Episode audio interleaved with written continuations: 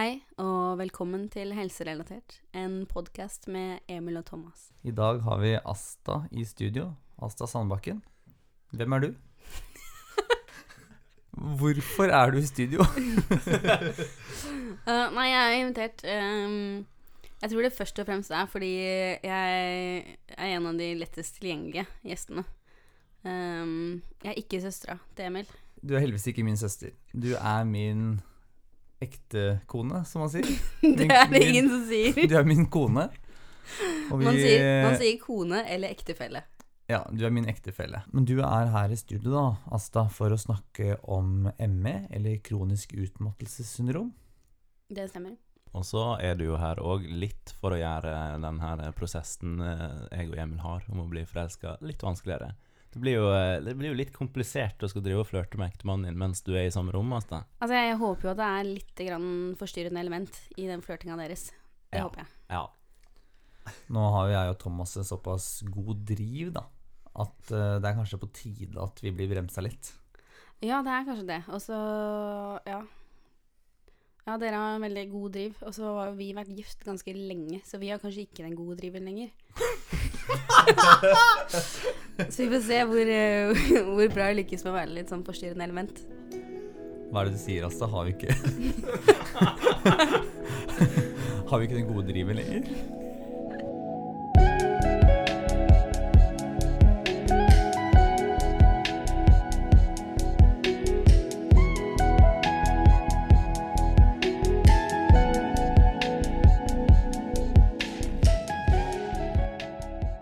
Hva har skjedd siden sist, Thomas?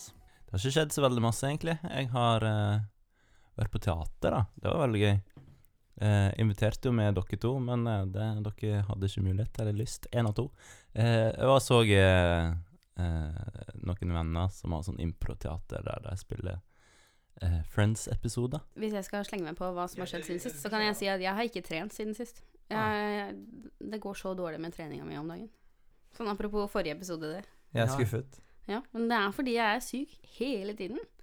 Jeg vet ikke hva som skjer i år, men vi har liksom Jeg tror vi får med alle virus hjem fra barnehagen dette året her.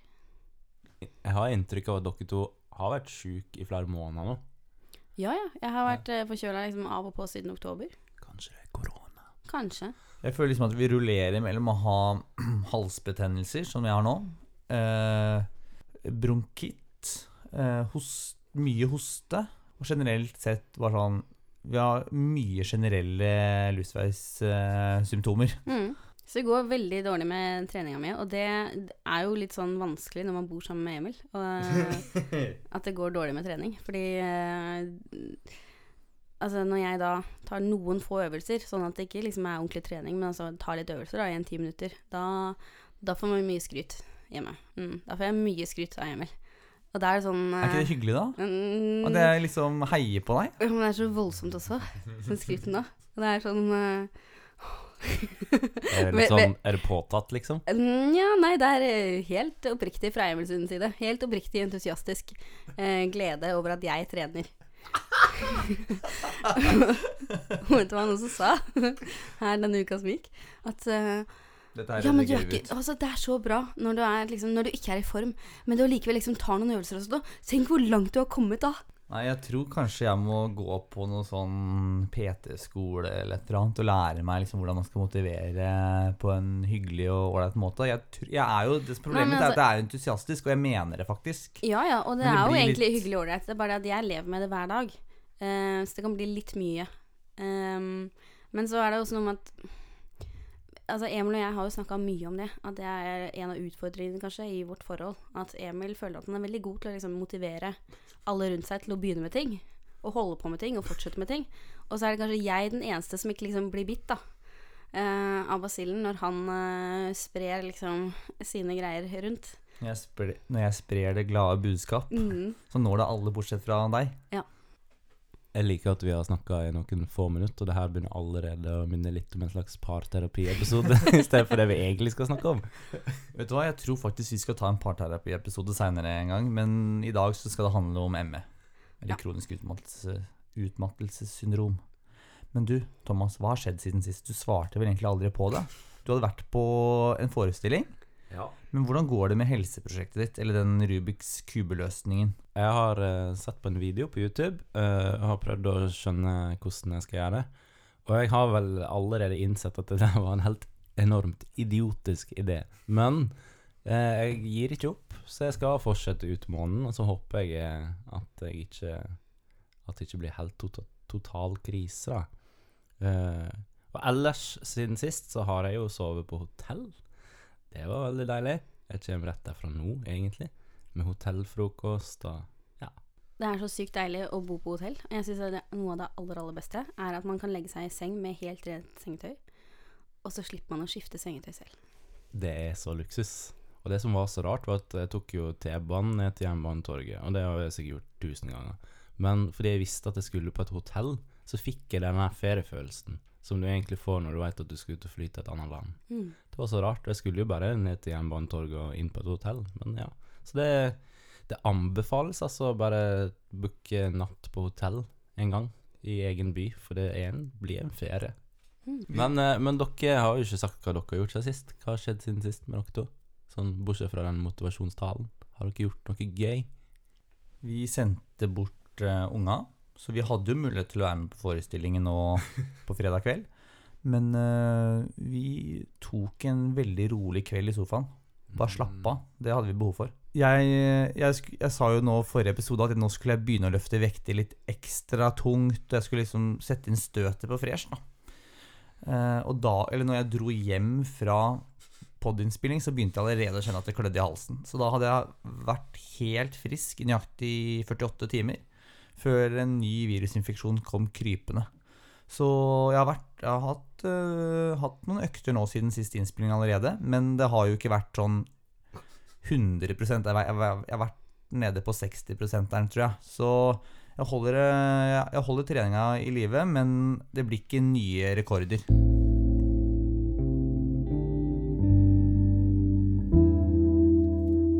Asta, du er her nå i dag for å snakke om kronisk utmattelsessyndrom.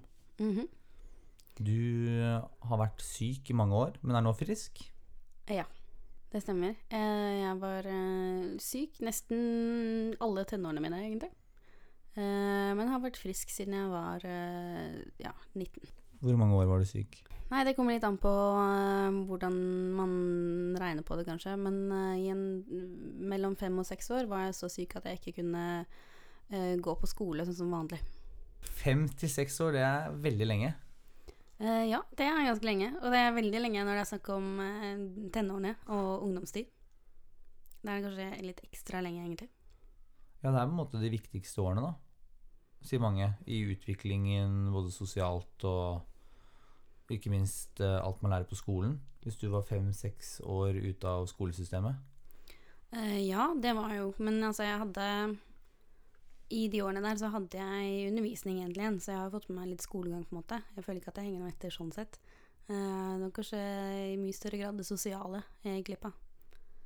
Men hvordan var det når du var sjuk i de åra her? Er det sånn som Jeg kan ikke så veldig masse om eh, kronisk utmattelsessyndrom, men er det sånn at du da ligger hjemme og i mørket, på en måte? Eller hvordan opplevde du selve sykdommen? Jeg var ikke en av de aller, aller sykeste som man hører om, som kun liksom ligger flatt inne på et helt mørkt og lydisolert rom. Jeg var aldri så dårlig at jeg ikke kunne liksom um, snakke med folk. Uh, men, men det var en del år hvor livet mitt liksom besto av å være på rommet med to eller tre sett med gardiner for vinduet. Eh, og det jeg gjorde i løpet av en dag, var eh, å gå liksom opp og ned til kjøkkenet og hente meg te og hente meg mat. Og det var også noen år hvor jeg ikke orka å spise middag med familien. For jeg har eh, tre yngre søsken, så det var liksom Det var litt lyd da, rundt middagsbordet, så det uh, takla ikke jeg. For da, da er det lyd og Eller det er sanseinntrykka der som blir på en måte overstimulert, eller hva? Ja, jeg ble veldig sliten av det, ja. Ja, så, så når du sier at du hadde to- to-tre sett med, med gardiner foran vinduet, så var det rett og slett for å skjerme deg fra vanlig lys, sånn sollys, eller var det også under overskya dager og Nei, det var også overskya dager, ja. ja, ja. Mm. Det var uh, dagslys generelt. Så hvis jeg liksom Hvis det var for lyst, så var det også slitsomt. Men, eh, men sånn som jeg har skjønt, da, så, så starter dette sykdomsforløpet Det starter ganske gradvis. Eller det opp, eller det begynner å vises ganske gradvis gjennom symptomer. Kan du ta for deg liksom Fra du måte gikk fra å være en frisk eh, ungdom til du da begynte å, å oppleve disse symptomene gradvis og skjønte at nå er noe feil? Eller at familien din oppdaget det? Ja, altså når jeg ser tilbake på det, eller med familien min også, eh, så er det jo ganske tydelig, sånn i etterpåklokskapens lys, å se at um, det begynte nok egentlig um, vinteren 7. klasse. Uh, da hadde jeg en uh, streptokokkinfeksjon som jeg aldri ble helt frisk av, på en måte. Um, jeg gikk liksom og hangla litt. Uh, selv om vi var tilbake hos legen, og det var ikke noe mer streptokokker. Men jeg gikk jo da tilbake til skole som vanlig. Hangla lite grann, men ja.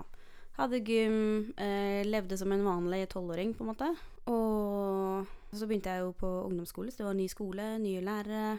Um, og i løpet av åttende klasse så um, kan jeg jo se etterpå at jeg ble jo dårligere og dårligere. Og orka egentlig mindre og mindre. Um, holdt ut på skolen, og så var det liksom ikke noe særlig mer etter det. Det var veldig lite aktivitet på ettermiddagen osv., egentlig. Og så var det høsten 9. klasse at jeg ble så dårlig at uh, jeg ikke lenger klarte å være på skolen fulle dager. Så det begynte vel kanskje med at jeg um, måtte bli henta, altså måtte dra hjem i løpet av dagen. Så som jeg husker det, så gikk det vel ganske fort på en måte fra det til at jeg ikke klarte å dra på skolen lenger fordi jeg var så dårlig. Um, ja, og det var jo sikkert en ganske spesiell situasjon, særlig for alle rundt meg. Altså, jeg må si at jeg var såpass dårlig på det tidspunktet at jeg fikk ikke egentlig helt med meg på en måte reaksjonen til de rundt meg. Um, kan sammenligne litt med altså, hvis du har influensa og ligger i senga med influensa, så bryr du deg ikke så innmari mye om hva som skjer rundt deg akkurat der og da. Nei, det er godt poeng. Og det var litt der jeg var, da. Mm.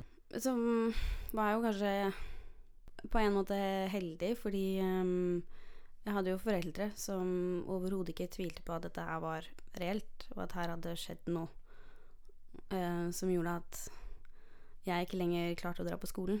Eh, og jeg var også veldig glad i skolen, eh, hadde det fint med venner. det var, jeg tror ikke det var noen som tenkte tanken at dette her er snakk om skolevegring. Ehm, de fleste rundt meg skjønte nok at dette her er liksom Asta er så dårlig at hun klarer ikke å dra på skolen. Ehm, jeg opplevde i hvert fall ikke at det var noe særlig tvil rundt det, da. Og at dette her var uh, helt reelt. Eh, For å spole litt tilbake da, når du, ble, når du da i åttende klasse var det, begynte å dra litt hjem fra skolen, var det det? Eller var det niende, sa du? Ja, det var i niende klasse. Ja, og hvor måtte, skoledagen eh, ble avbrutt av at du ble for syk til å holde ut, og, måtte, og de måtte ringe foreldrene dine. Ja. Hva slags symptomer var det du hadde da? Sliten. Eh, ukonsentrert, klarer ikke lenger følge med. Vondt i hodet, uh, vondt i kroppen. Noen ganger litt sånn feberfølelse. Følelsen av å være litt sånn småsjuk, da. Ja. Ja.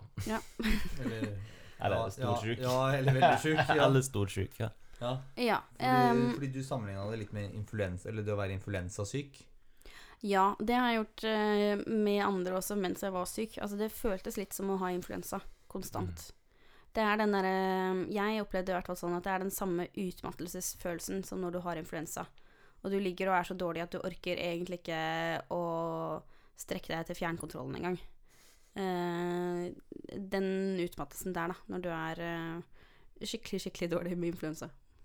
Jeg har, jeg har lest at uh, mange med, med kronisk utmattelses, utmattelsessyndrom også sier at søvn ikke har noen effekt. Man føler seg liksom ikke restituert. Så man kan ligge og sove hele dagen og sove natten, og så føler man seg liksom ikke eh, uthvilt da, eller eh, restituert. Følte du det også, at når du da lå hjemme, da du ble henta på skolen, du la deg i senga, du lå kanskje og døste så på serier, prøvde liksom å bare slappe av, at du, du ble liksom ikke noe bedre av det?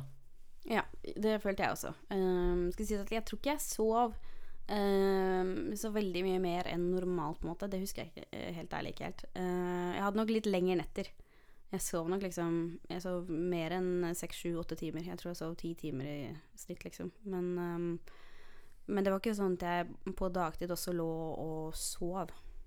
Uh, det var bare det at jeg ikke klarte noe særlig aktivitet. Mm. Men når du da sluttet å møte på skolen, da Eller du, du, du hadde vært liksom første dag, liksom, Husker du første dagen hvor du rett og slett ikke orka å dra på skolen fordi du var så sliten? Nei.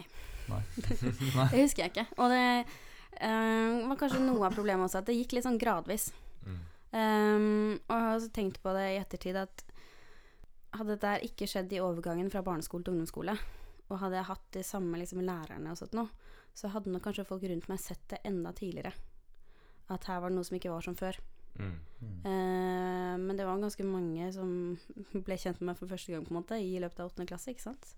Um, og der hvor det kanskje tidligst kom til uttrykk at ting ikke var som det skulle, var jo gjerne i gymtimene. Um, for jeg gikk fra å være en veldig aktiv og egentlig sprek uh, jente til um, å fortsatt være aktiv og være med. Uh, men jeg hadde episoder der hvor jeg liksom kollapsa etter Ja. gymtimene, også i løpet av åttende klasse.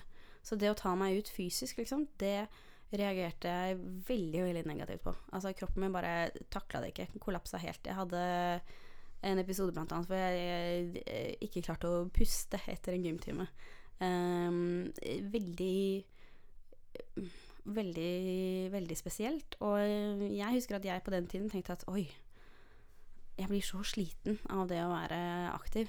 Jeg må være veldig dårlig trent. Jeg må trene mer. Um, så i åttende klasse også, så eh, var jeg på ganske mange joggeturer. Og var unormalt sliten hver gang. Jeg har jo senere vært på joggeturer holdt på å si, som frisk igjen, og det eh, eh, Nå begynner det å bli mange år siden, men det er nesten litt rart altså, at jeg ikke skjønte selv da at her er det noe som ikke er som det skal være.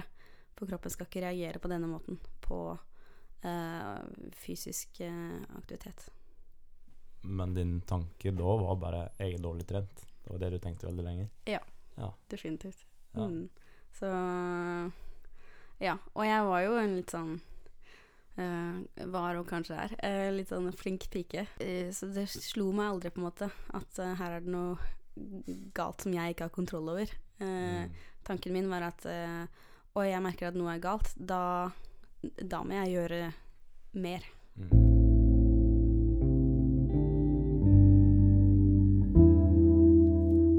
Jeg lurer jo litt på Da endte du opp med å droppe ut av skolen, da?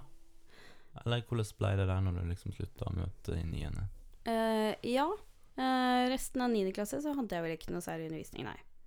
Jeg tror vi mot, mot våren fikk på plass litt grann én til én. Hvor læreren min da kom hjem til meg og hadde Jeg tror vi hadde to timer undervisning i uka eller noe sånt. Ja. Hvor hun kom hjem til meg to ganger, da. Og én time av gangen. Og så satt vi og snakka eh, om et kapittel som jeg hadde lest i skolebøkene. Og det var eh, det jeg hadde av skole resten av 9. Hvordan var det da som flink pike, på en måte? Da, det å føle at man ikke hang med i det hele tatt? Eller var du så oppslukt av sykdommen at ikke det var noe fokus lenger? Eh, ja, jeg var egentlig det. Ehm, jeg, var, eh, jeg var så dårlig at uh, for meg så ser jeg tilbake på den tiden her, og det er, altså, det er flere år som bare er en grøt for meg. Jeg husker ikke helt hva som skjedde når. Um, og for meg så eh, Det er underlig å, å snakke om det også, fordi på en måte så føltes det ikke som så lang tid. Jeg var så dårlig at um, tiden bare gikk, og jeg fikk det ikke helt med meg. Hadde du smerter? Eh, Jeg hadde ganske mye smerter i kroppen. Igjen mye sånn verking. Sånn som når man har influensa. Mm. Kroppen gjorde veldig vondt. Jeg hadde eh, mye vondt i magen, eh, mye kvalm, mye vondt i hodet, mye svimmel, feberfølelser. Og veldig sliten. Veldig utmatta. Jeg blir jo litt nysgjerrig når du sier at du hadde en lærer som kom hjem til deg én dag i veka, det var det du sa? Uh, Ja, jeg tror det var to dager i uka eller noe sånt til å begynne med. Mm. Uh, men da må du jo Du kan jo ikke få med deg alle fag på to timer i løpet av eh, Altså to dager i løpet av uka. da. Hvordan, hvordan ble det videre skoleløpet når du skulle over på videregående og, og sånn? Uh, jeg, jeg brukte lengre tid uh, så jeg uh, Jeg tror det var på en måte var tiende klasse. Jeg gikk to år. Mm. Altså så Ja. Så utsatte liksom oppstart av videregående ett år, og så hadde jeg et år til med tiende klasse. Det første av de årene hadde jeg kun undervisning hjemme. Da hadde jeg lærer som kom hjem til meg, og jeg tror vi var oppe i fire timer i uka. Mm. Så fire ganger i uka, liksom. eh, med én time hver gang um, det året. Og jeg hadde jo ikke alle fag da. Nei. Jeg tror jeg hadde norsk og samfunnsfag eller noe sånt noe. Um, året etter så Jeg vet ikke helt uh, hvorfor det ble sånn, for dette var noen foreldrene mine som, som styrte litt. Um, da ble det også et skolebytte ehm, til en annen skole uh, i samme, samme kommune, uh, samme område på en måte. Uh, hvor jeg endte opp med å få taxitransport. Skoletaxi, liksom. Eh, hver dag. Eller igjen fire dager i uka, var det vel. Til skolen. Så hadde jeg én time undervisning, bare jeg og lærer. Og så hadde jeg taxi som sto og venta på meg og kjørte meg hjem etterpå. Men det var nok for å liksom normalisere litt mer igjen, da. Få Mm. meg på en måte litt mer tilbake til skole. Det at jeg var på en skole, i hvert fall, hadde skole. Men det er jo Igjen, altså er det ikke nok undervisning til å egentlig dekke alle fag og sånt noe. Men eh, jeg hadde matte og engelsk, i hvert fall. Og det at det Altså, for det første så ble jeg søkt inn på videregående på særskilt grunnlag. Mm. Eh, så jeg trengte ikke karakter i alle fag. Mm. Eh, og for det andre så var jeg en litt sånn flink jente. Eh, så det å ikke ha med seg alle fag fra ungdomsskolen og sånt nå, har aldri vært noe problem senere. Nei. Følte du, følte du at Altså den overgangen fra å ha læreren som kommer hjem til deg, til at du tok taxi til og fra skolen, var det Føltes det bedre å være på skolen, eller ble du helt utmatta av det, på en måte? Det var uh, slitsomt, det også. Mm. Og jeg husker at det var særlig slitsomt, uh, egentlig, med de taxisjåførene som på en måte starta litt samtale, men så ikke var så god til å holde samtalen i gang. For da var det fryktelig slitsomt for meg å holde den samtalen i gang. Ja, Så det husker jeg var slitsomt med de, de taxisjåførene som var sånn. Og mye bedre med de som var sånn skravlete og så bare snakka mye av seg selv, eller de som bare var stille fra begynnelsen av. ja. Eh, det verste var når du fikk en av de som eh, starta en samtale, og så måtte jeg holde det i gang. Det var eh, Litt uh, sånn som hos en klein eh, frisørtime, da, når eh, samtalen ikke helt går uh, som smurt. Ja, det, Ja. ja. Men i tillegg så var jeg da såpass uh, syk at, at det var slitsomt bare det å ha samtale i utgangspunktet. Ja. Mm. Yes. Um, men ja, det føltes jo som en litt sånn um, vei fremover at jeg var på skolen, versus det Mm. å ha en lærer som kom hjem til meg. Det var en litt sånn normalisering av tilværelsen. Mm. Men det var jo ingen av elevene som kjente meg, og jeg kjente jo ingen av elevene. Det var jo ikke en spesielt normal undervisningssituasjon, det heller. Uh, skal sies sånn- at det er veldig veldig effektivt da å ha læreren for deg selv. Særlig hvis du er en litt sånn skoleflink type. Ja, Så jeg tror nok at jeg hadde ganske greit utbytte av uh, den undervisningen. Eh, Mm. Jeg hadde nok eh, høyere læringstrykk i timene mine enn eh, i de vanlige timene. Du kunne liksom ikke sitte på bakerste rad og gjemme deg vekk når du er aleine med læreren. Det kan man ikke. Nei. Nei. Men eh, etter hvert så har Altså, du er jo frisk i dag. Hvordan ble det på en måte når du kom på videregående, og hva, hvordan var forløpet videre mot at du ble frisk, på en måte? Ja, så jeg brukte to år på, på første klasse på videregående, på en måte. Og så eh, var jeg da to år eldre enn de som gikk andre klasse, uh, når jeg gikk andre klasse. Um, men hadde da det ene faget sammen med liksom klasse, da. Uh, ja, Mm. den koseklassen. Ja. Uh, og da var det på vinteren i løpet av det skoleåret der. Eh, da hadde jeg fylt 19 for et par måneder siden. Eh, og da hadde jeg ei, venninne som hadde hørt om Lightning Process og kurs i London som en del uh, med utmattelsessyndrom. Uh, hadde hatt veldig god effekt av å delta på. Mm. Så hun var faktisk på sånn Lightning Process-kurs før meg. Um, jeg leste lite grann om det. Um, det hele virka litt sånn mystisk, men jeg søkte om å få være med. eh, og det var liksom eh, intervju over telefon og sånt noe fra England eh, før jeg fikk lov til å delta. For de skulle liksom sikre at eh, de som kom, var ordentlig motiverte eh, for å delta, og også at de hadde tro på at det gikk an å bli frisk.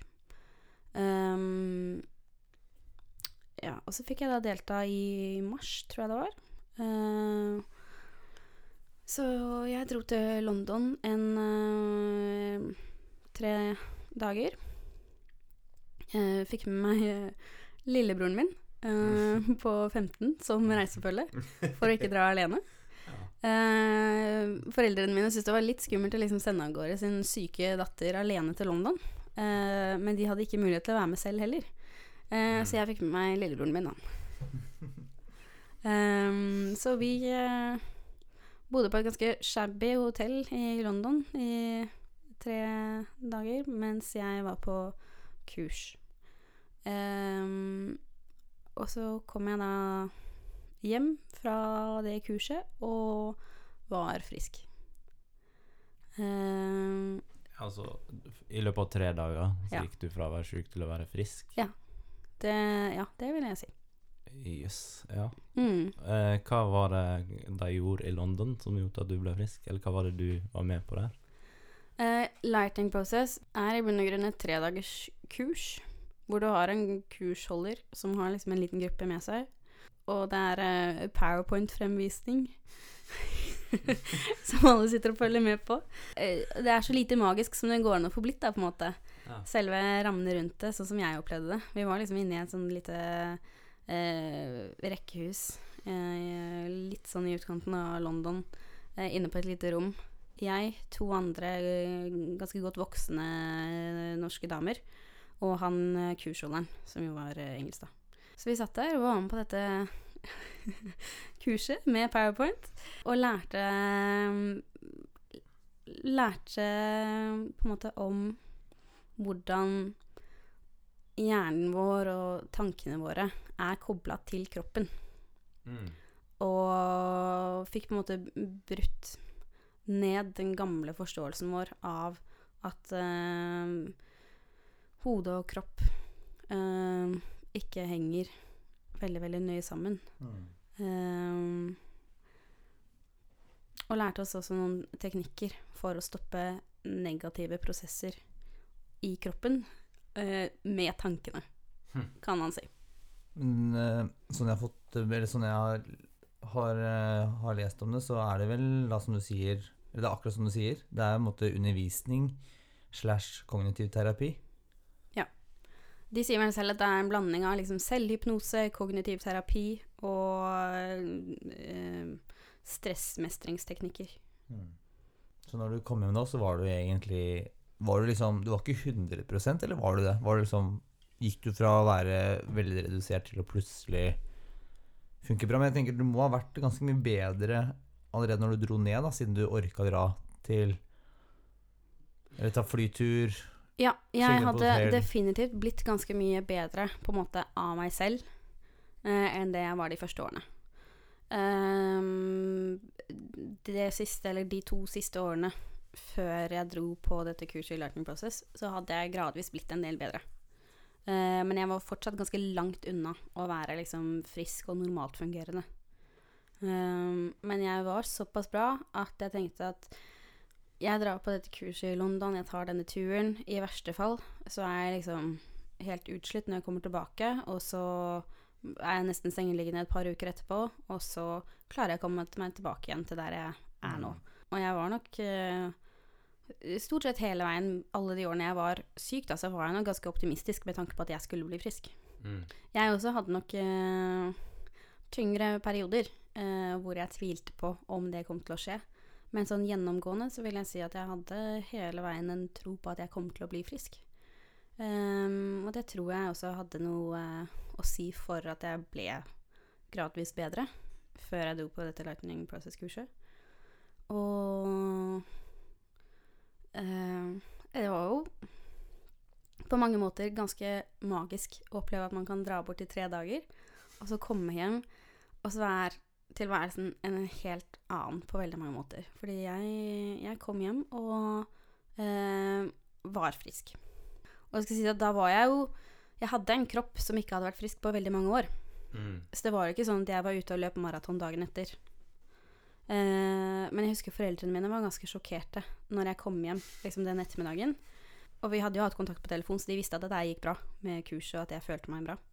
Men eh, de fikk også hjem en datter som liksom hadde gått fra å, å klare bare litt grann aktivitet hver dag, eh, til å da ha vært i London, tatt flyet hjem, tatt toget hjem fra flyplassen, kommet hjem, liksom. Um, Jeg blir bare sliten av bare å høre om å reise sånn. Altså jeg jeg syns det, er så slitsomt å ta tog, fly, sjekke inn på nytt sted osv. Og, så og da du som da ME-syk, da, Og med lillebroren. med lillebror på slep og, Men han var selvfølgelig Han var bare to år yngre, altså han var jo 17, var han det? Ja, 15. Nei, 15 var han, ja. du burde egentlig vite hvor gammel broren min er. Hvor mye yngre han er enn meg. Men uh, ja. Ja, han er to år yngre. Nei, Nei. fire, fire år yngre. Han har to, han har to år yngre enn meg. ja, han er to år yngre enn deg. Ja, nei um, Jeg syns også i, dag at det er slitsomt å skulle reise med fly. Mm. Uh, men jeg kom hjem den ettermiddagen, uh, og jeg husker at jeg hadde fått noen T-skjorter i posten. Og så um, passa det ikke helt sånn som jeg ville. Um, så jeg var liksom fram med symaskina og fikk hjelp av mor til å liksom finne fram den. Og sånt noe. Og mor fikk litt sånn hakeslepp på en måte av at jeg orka å liksom sette i gang med et sånt prosjekt. Etter å ha liksom kommet hjem med fly og sånt noe. Eh, men det var ikke noe stress i det hele tatt, følte jeg. Der og da. For da, akkurat der og da så følte jeg på en måte at ingenting eh, var slitsomt og var for mye. Eh, så jeg gjorde det. Jeg sydde om disse T-skjortene. Og så, eh, den kvelden, så dro jeg også bort på besøk til ei venninne. Yes.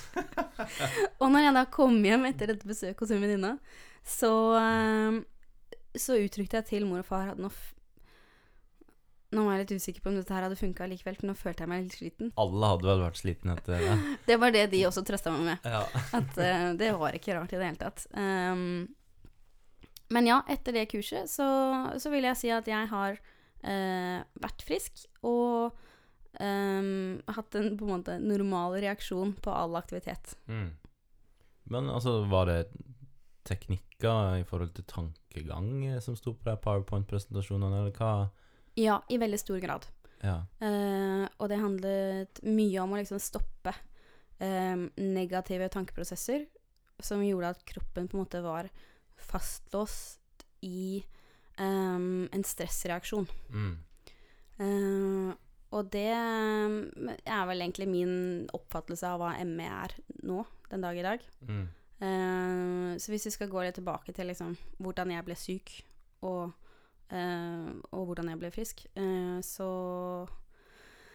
eh, begynte nok sykdommen hos meg. Altså Jeg nevnte jo det at jeg hadde en streptokokkinfeksjon i 7. klasse. og sånt nå. Jeg har også senere, Um, det vil si når jeg ble ordentlig dårlig da, og falt ut av skolen i 9. klasse, Um, så ble det tatt diverse tester, og jeg hadde da antistoffer også for kyssesyke. Mm. Men det hadde aldri vært påvist hos meg noen gang Mm. at jeg hadde det. Jeg har aldri liksom vært syk og hjemme fra skolen med kyssesyke. Nei. Bortsett fra den gangen hvor jeg hadde streptokokker og aldri ble helt frisk. Mm. Så, så det både jeg og min familie, og, og for så vidt også leger og sånt har gått ut fra, er at jeg hadde nok kyssesyke da, som ikke ble oppdaga. Mm. Uh, og så tok det jo ganske lang tid, for jeg var jo egentlig ganske frisk og sprek. Eh, men, så det tok ganske lang tid før um, kroppen min til slutt liksom sa stopp, da. Etter å ha hatt den kyssesyken. Um, og min oppfattelse av hva, hva den uh, utmattelsessyndromet var hos meg, er at det var en um, stressreaksjon i kroppen som bare uh, ble værende etter denne sykdommen. Altså når man er syk, så går jo kroppen inn i en sånn eh, kampmodus sånn, og, og får en sånn stressreaksjon. Mm. Eh, og vanligvis så klarer den også å kvitte seg med sykdommen, og så kvitter den seg også med den stressreaksjonen Mm. Men hos meg så gikk ikke den reaksjonen over. Og det er klart at den fikk også veldig lang tid på å på bygge seg enda mer opp. Så alle de årene eh, som jeg var syk med ME, så var kroppen på en måte fastlåst i den stressituasjonen. Så kroppen min hadde ikke liksom en normal respons på eh, alt av aktivitet og alt av stimuli. Eh, fordi den, den var på en måte i overload eh, fra Mm. før av. Mm. Eh, og dette her klarte, klarte ikke kroppen min å komme seg ut av på egen hånd. Og så um, er min oppfattelse at Lightning Process hjalp meg med å liksom bryte eh, mønstre som gjorde at jeg klarte å få kroppen ut av de stressreaksjonene. Eh, og når man får til det, da, så går også liksom stresshormoner og sånt i kroppen ned, og da eh, På ganske kort tid så følte jeg meg veldig mye bedre, Mm. og egentlig helt bra. Veldig fascinerende. Du hadde jo da underveis i sykdomsforløpet også vært med i diverse forskning, eh, forskningsprosjekter, ikke sant? Ja, i hvert fall ett. Eh, jeg var med i et forskningsprosjekt eh, som eh, en av legene ved Rikshospitalet, Vegard Brun Wyller, hadde på kronisk utmattelse hos ungdom. Og det var jo ingen Jeg har aldri opplevd på en måte i helsevesenet, eller nesten aldri i hvert fall, opplevd i helsevesenet å bli mistrodd på at eh, denne utmattelsen var helt reell, og dette var en reell sykdom og reelle symptomer, og eh, ikke noe jeg liksom fant på fordi jeg var lat. Mm. Det er vel noe man kanskje er litt redd for at andre rundt skal oppfatte eller, eller tenke. Jeg veit ikke, jeg. Jo, definitivt. Det tror jeg er veldig mange eh, pasienter med, med den type lidelser da, Mm. som føler og er redd for. Eh, og det skjønner jeg veldig godt. Mm. Um, jeg var nok kanskje ganske heldig som ikke opplevde noe særlig mistro til, til liksom min sykdom. Uh, og kanskje litt av den grunn også, så følte jeg ikke noen prestisje rundt det å på en måte bli frisk av noe som ikke var um, et rent liksom um, fysiologisk uh, En ren fysiologisk kur. Mm. Eh, for det var det jo ikke. Nei. Her er det jo snakk om liksom kognitiv terapi, Mm. og på en måte ting som går på, på hodet, da. Eh, Mm. Og tanker. Ja du, ja, du tenker at mange kunne Mange ser på det som er problematisk enn om du for eksempel hadde fått en medisin intravenøst, og det hadde virka mer legitimt, da.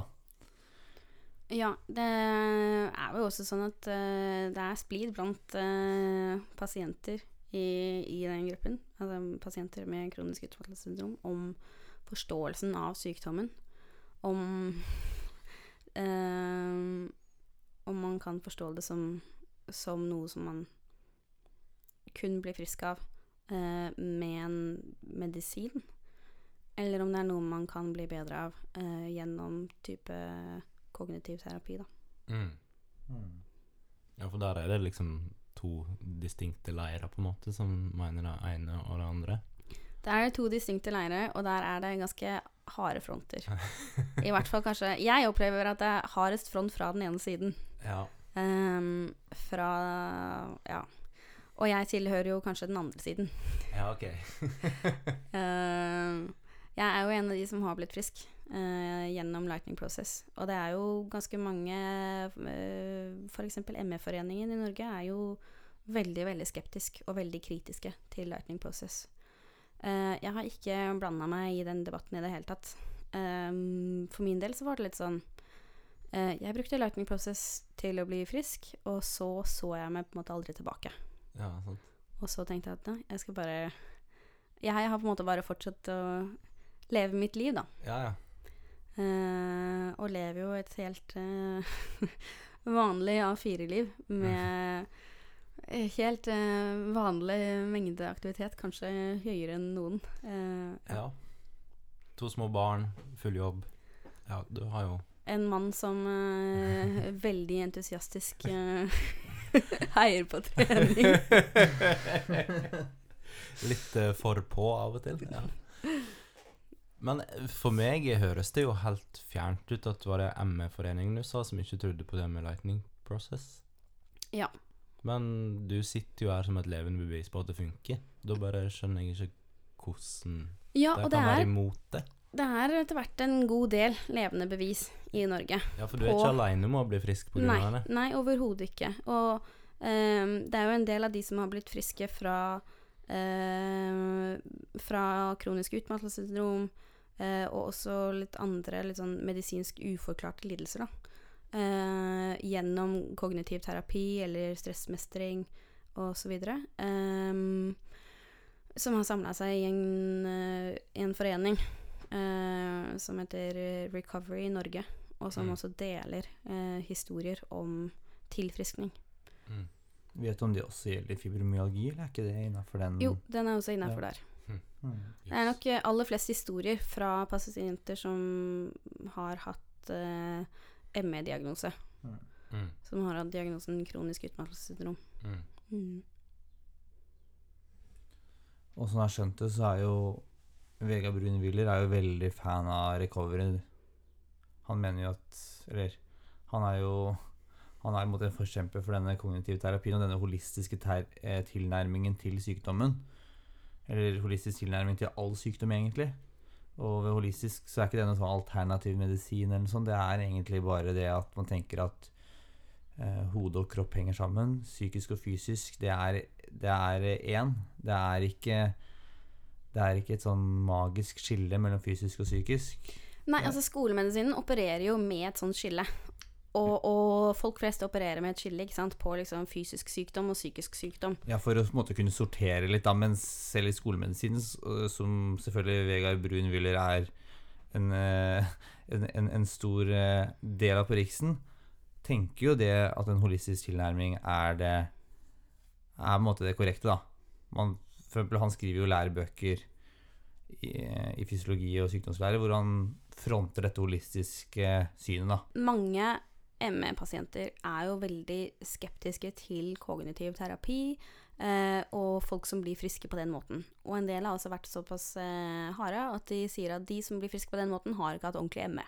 Jeg vil bare si at jeg eh, opplevde aldri at jeg ehm, eh, selv liksom bestemte at jeg var syk. Eh, og jeg var aldri der eh, Det var aldri sånn at jeg ønsket å være syk, eller ønsket å bli syk. Og alle de årene jeg var så dårlig eh, Jeg skulle gjerne hatt det tilbake igjen og ikke vært dårlig. Det Mm. var ikke en ønskelig situasjon for meg i det hele tatt, og ikke noe jeg liksom prøvde å opprettholde. Og så når jeg da fant noe som hjalp meg å bli frisk, så tok jeg det, holdt jeg på å si, og så så jeg meg ikke noe særlig tilbake. Eh, men jeg veit jo at en del eh, andre med kronisk utmattelsessyndrom er veldig, veldig skeptiske til Lightning Process, eh, fordi man da på en måte innrømmer at denne sykdommen er ikke kun rent fysiologisk, på en måte. Mm. Men da er også forståelsen liksom i, til de som holder på med lightning process, og også til en del av de som forsker på ME i Norge, sånn som eh, eh, f.eks. Wyller ved Rikshospitalet, at eh, eh, kropp og hjerne er forbundet. Mm. Mm. Um, så Wyller har også et sitat eh, her um, som um, går som følger at uh, fordi hjernen er koblet til resten av kroppen via utallige nervetråder, kan mentale teknikker også føre til reelle kroppslige endringer, også for ME-pasienter. Mm. Um, og det, det er der min forståelse også ligger, da. Uh, at uh, kroppen min var inne i en konstant stressreaksjon. Og det var også noe som ble påvist gjennom, gjennom det forskningsstudiet jeg var med på hos Wyller. At jeg hadde konstant høye eh, adrenalinnivåer. Mm. Og, og stress er jo på en måte psykisk. Mm. Ja, jo. Altså stressreaksjoner opptrer i kroppen når du får en infeksjon. Men man kan, kan jo også få det bare ved liksom eh, psykiske, altså mentale belastninger, på en måte. Ja, ikke sant? Man kan bli stressa av å holde et foredrag, man kan bli stressa av sykdom i, fami i familien, man kan bli stressa av store hendelser. Store, eller mye stress, eh, er bevist at kan føre til høyt blodtrykk, eh, infarkter og mange andre uheldige lidelser og komplikasjoner. Ja, og altså når man på en måte med, med psykiske belastninger kan påføre kroppen sin på en måte den type reaksjoner, så gir det jo også mening at man med liksom mentale prosesser kan få til det motsatte. Ja, at man kan få en slutt på denne, denne stressbelastningen. Ja, nettopp. At man liksom kan, kan gå ut av de gamle mønstrene som gir en stressreaksjon, og så stoppe liksom stressreaksjoner i kroppen, og på den måte få ned eh, adrenalinnivåer osv., og, så og, og la kroppen på en måte eh, bli frisk på egen hånd. Og det opplevde jeg at var det som skjedde med meg, da. Eh, sånn som jeg skjønte, så for de som liksom er på sitt aller sykeste eh, når de er med på lightning process osv., så, videre, så tar det lengre tid enn det det gjorde for meg, før de føler seg helt friske. Det tar på en måte tid Altså, er du helt der nede, så nedbrutt liksom at uh, du kun klarer å ligge stille i en seng inne på et helt mørkt og lydisolert rom, så tar det tid før du er tilbake uh, i vanlig liv. Mens jeg var jo på en måte i en sånn nesten normal tilværelse fra før av. Så for min del så tok det ikke så veldig lang tid. Jeg, jeg syns du sa det veldig fint da når du kom tilbake eh, til, fra England og tilbake til familien din. Det med at du, måtte, du hadde blitt frisk, men du hadde samtidig en kropp som hadde vært syk i såpass mange år at eh, det var ikke bare å begynne å løpe løpe lange turer eller utsette deg for all den belastningen kanskje folk på din egen alder holdt på med, da? Nei, det tok litt tid før jeg kunne uh, belaste kroppen på den måten. Uh, måtte bygge meg opp uh, litt gradvis. Det måtte jeg. Men men innen liksom Dette var jo i mars, og innen august så begynte jeg jo for fullt i vanlig klasse tredje året på videregående, og gikk liksom tredjeåret sammen med alle andre. Som jo uh, som, jo på mange måter var uh, et lykketreff også, kanskje. var det Jeg skal ikke si at det var skjebnebestemt, altså. Det er kleint. nei, men Men da havna dere to i klasse, da? Mm, nei, det gjorde vi jo ikke, egentlig. vi Samme, samme årskull? Ja, vi gikk ja. ikke i samme klasse, som vi møttes først i, i januar. Uh, men, uh, men ja. Uh, det var jo sånn Emil og jeg møttes. Uh, at vi gikk samme året.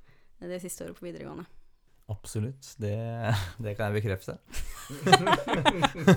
men jeg, vi, skal, vi, skal, ikke gå inn noe særlig på vårt forhold nå, fordi Thomas blir så sjalu her. Jeg kan merke det. Men kan du, kan du forklare oss, eller beskrive din første løpetur etter du ble frisk? Husker du den? Uh, Mm, nei, jeg tror ikke jeg husker den. nei, jeg tror jeg begynte med um, Altfor eh, svakt treningsfokus på den der. Ja, det er litt for svakt treningsfokus. Nei da, vet du hva. Jeg, jeg, husker at jeg var ute på liksom sykkelturer uh, den første uka etter at jeg kom tilbake fra kurs. Ja. ja nå sitter Emil og nikker og syns det er nice. eh, det skal sies at de sykkelturene var ikke så fryktelig lange for meg. Eh, så husker jeg at jeg, jeg tenkte at Oi, dette her er skikkelig, skikkelig bra, og jeg klarer å sykle liksom Og, og dette her kommer jeg til å bli sprek av. Eh, sannheten var at disse turene var kanskje tre kilometer, Én eh, vei, altså. Ja, så seks kilometer. Ja. ja, det er litt bedre enn Ja. Men eh, min første løpetur var vel eh, Var vel type tre kilometer til sammen, da. Uh, langs grusveien fra foreldrene mine og bort til uh, bort til der hvor, hvor det er asfalt, og så tilbake igjen. uh, så det Det var også ikke sånn kjempelenge etter at jeg kom tilbake. Type en uke eller to etter at jeg hadde vært på kurs. Uh, men jeg hadde nok løpt den fortere i dag. Ja, det er jeg ganske sikker på.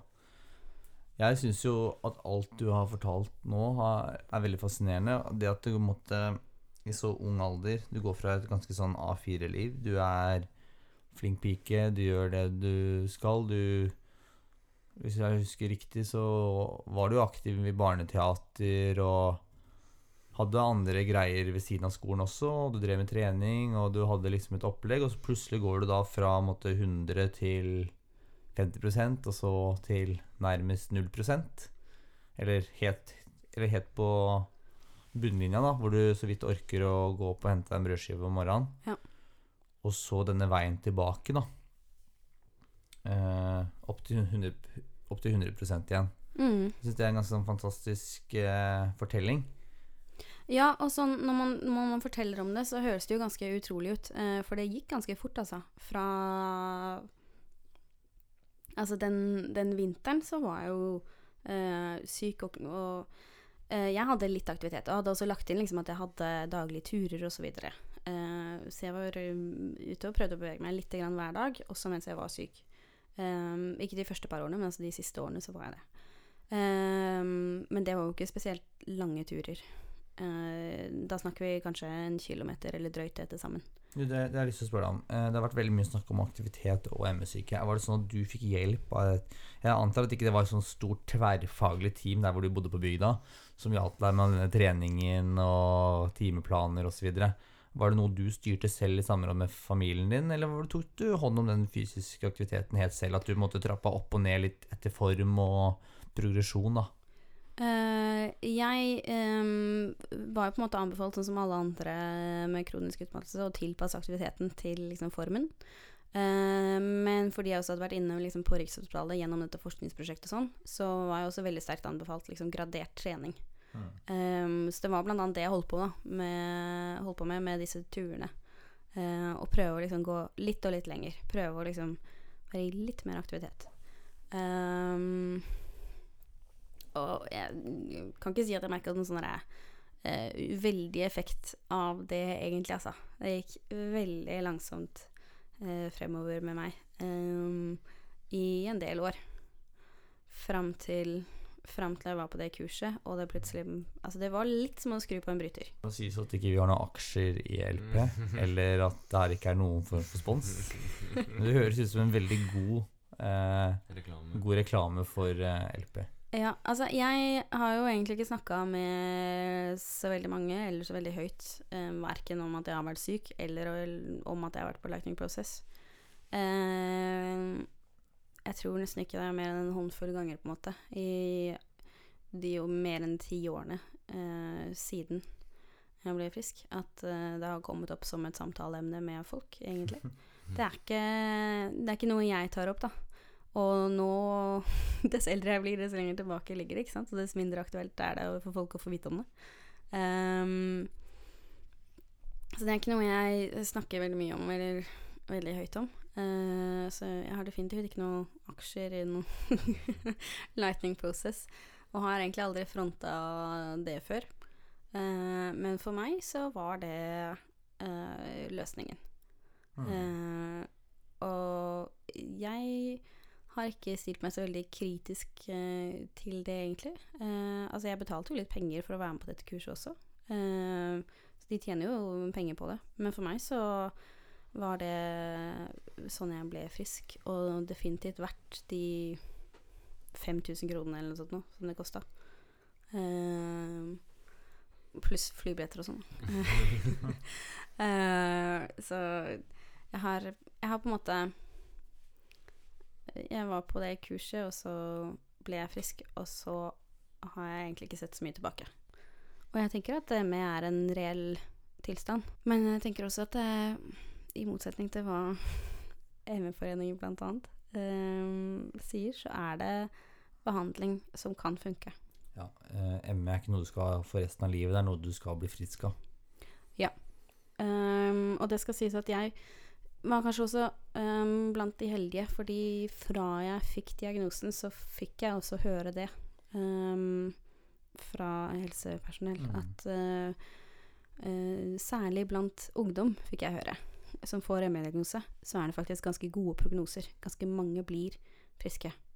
Um, det tror jeg ikke det er alle som får diagnosen, som får høre. Eh, så jeg uh, var syk i mange år, og, og trodde fullt og fast på det.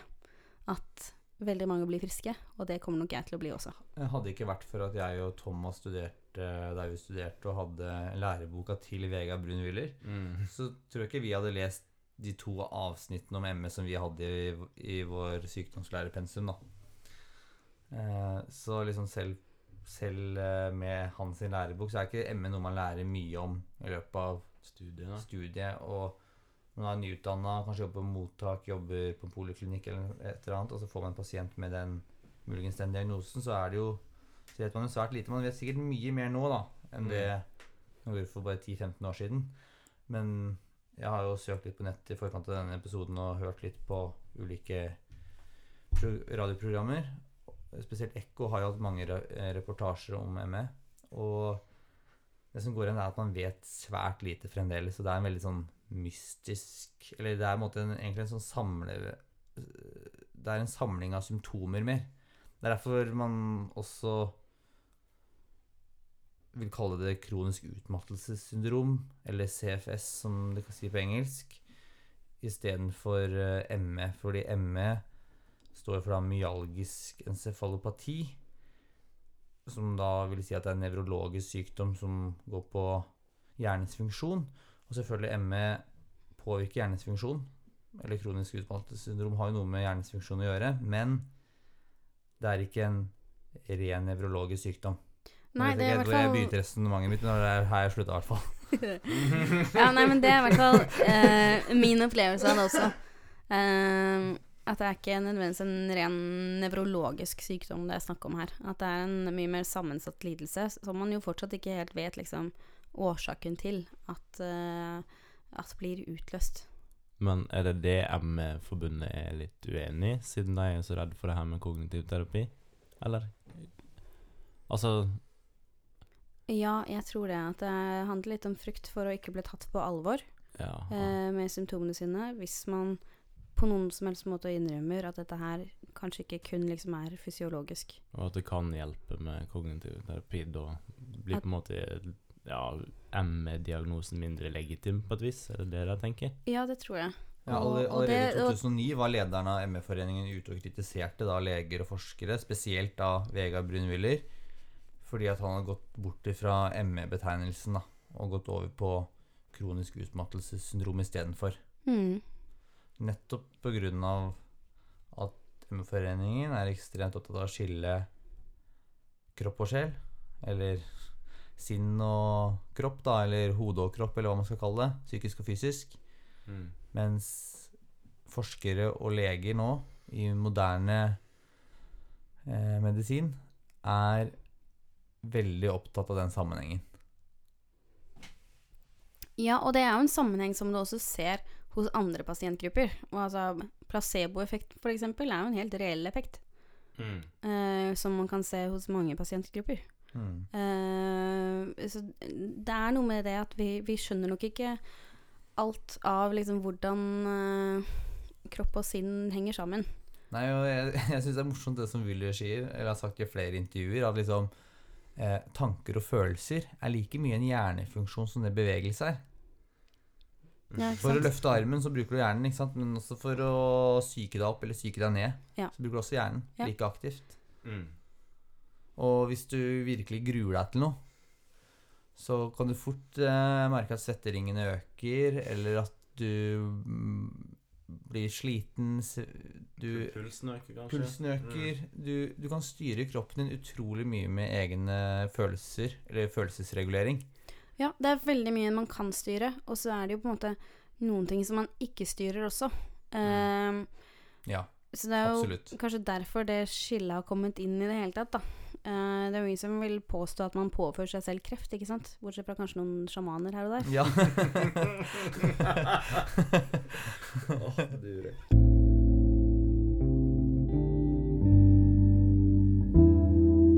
Nei, men du, Asta, nå skal du være den første som får vitne eh, 36 spørsmålsspalten Og ta del i den. og ta del i den. Mm. Spørsmålet i dag det er rett og slett eh, Hva er du mest takknemlig for i livet ditt? Du kan begynne, da, Asta. Mm, Yes. Eh, det, det sier du bare fordi du kommer til å bli så glad for å høre det her. Hæ?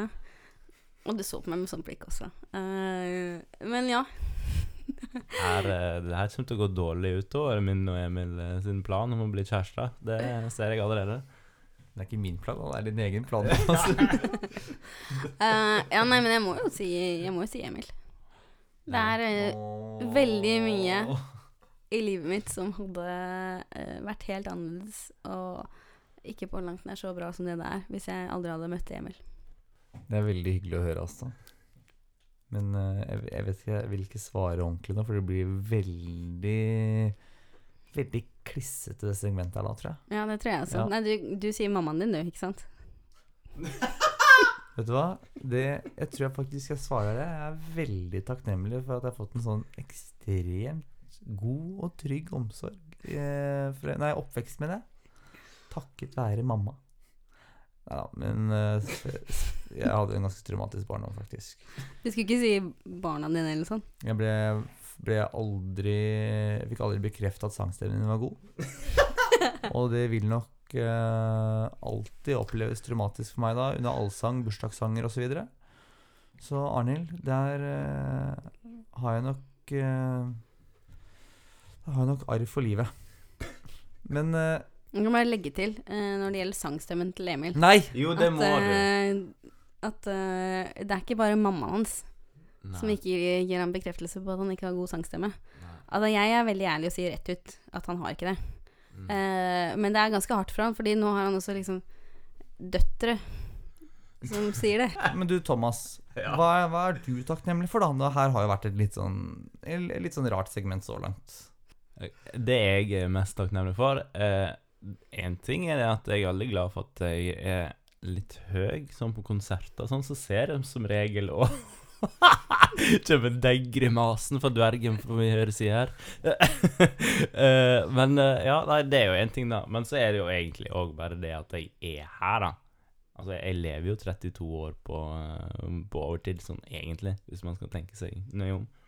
Og så at jeg er en relativt sosial, utadvendt fyr, som gjør til at jeg har veldig mange bra folk rundt meg. da. Sånn som for eksempel han fyren som elsker å se seg sjøl i speilet hver eneste dag. Sant, Emil? Ja. ja. Men det er noe annet du også er veldig takknemlig for. Vi fikk ikke sagt det i introen, Thomas. Ja, eh, selvfølgelig. Vi har fått to nye eh, topptilhengere på Facebook. Den ene det er Otto.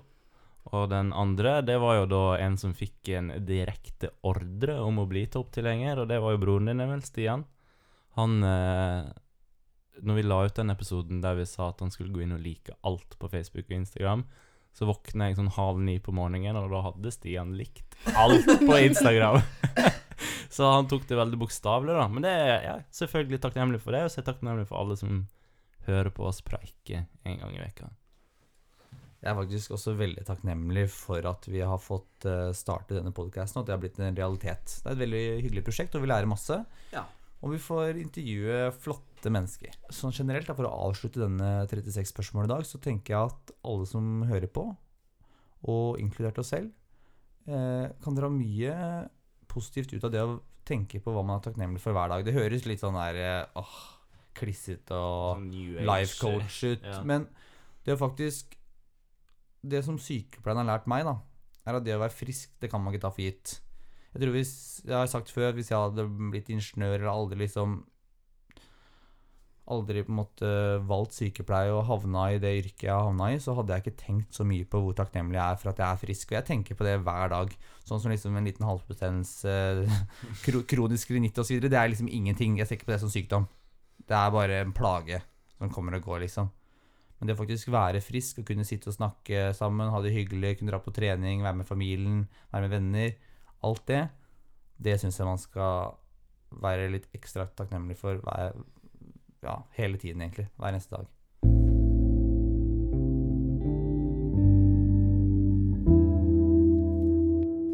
Eh, nå viser det seg at Asta har ikke hørt eh, vår nyeste episode.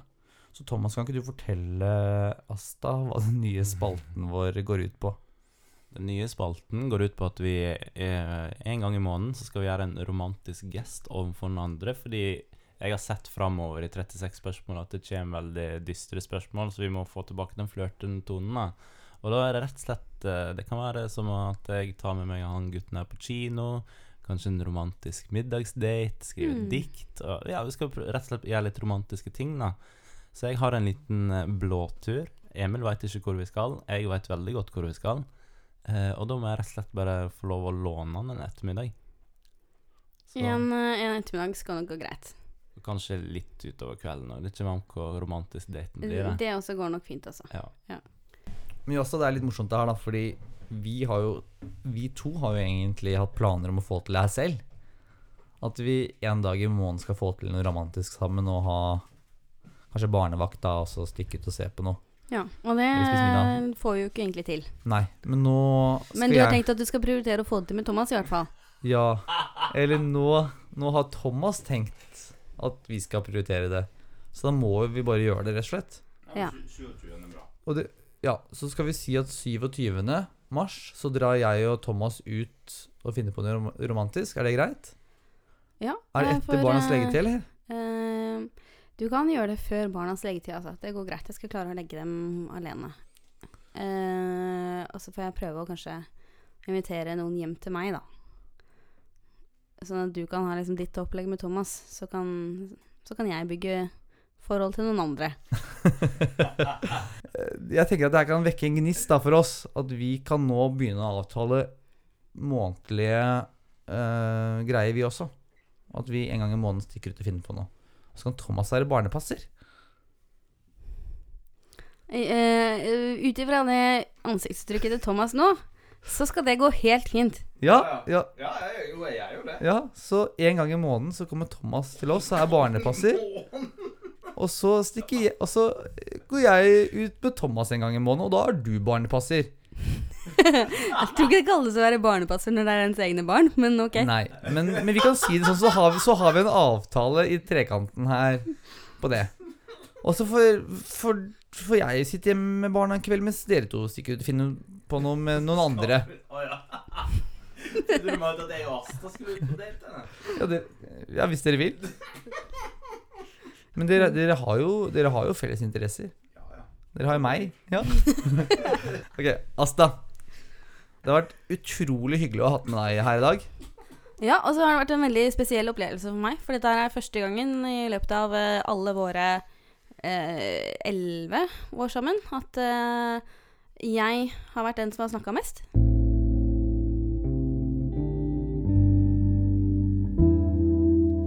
Ja, men du, vet du hva? Da sier vi oss ferdig nå for i dag. Om en uke så skal vi faktisk ha anestesisykepleier spesial. Vi har snakket da i to timer med en anestesisykepleier. Og vi kommer da til å lage to episoder som vi legger ut da på fredagen. Og det tror jeg blir veldig bra. Og så vil vi si tusen takk til Asta for at du var med her i dag. Vi fikk ekstremt verdifull innsikt i diagnosen kronisk utmattelsessyndrom, eller ME, om man vil. Og vi gleder oss til å ha en episode to med deg. Som, eh, det er liksom en greie jeg og Thomas har, at vi alltid sier at vi skal lage en ny episode om det vi har snakka om. Fordi vi får aldri nok. Ja, vi får, vi får se. Jeg føler kanskje at jeg har snakka nok om, eh, om det nå. Men uh, kan hende jeg kan møte opp på en annen. Vi kan ha en sånn parterapiepisode, vet du. Ja, med Thomas, hvor Thomas er terapeut. Ja, det er da gøy. Vet du hva? Vi, vi har en sånn episode seinere. Ja. Vet du hva? Ok, nå lover vi det. Det blir parterapeut-episode i fremtiden. Gleder meg. ok, ha en god fredag.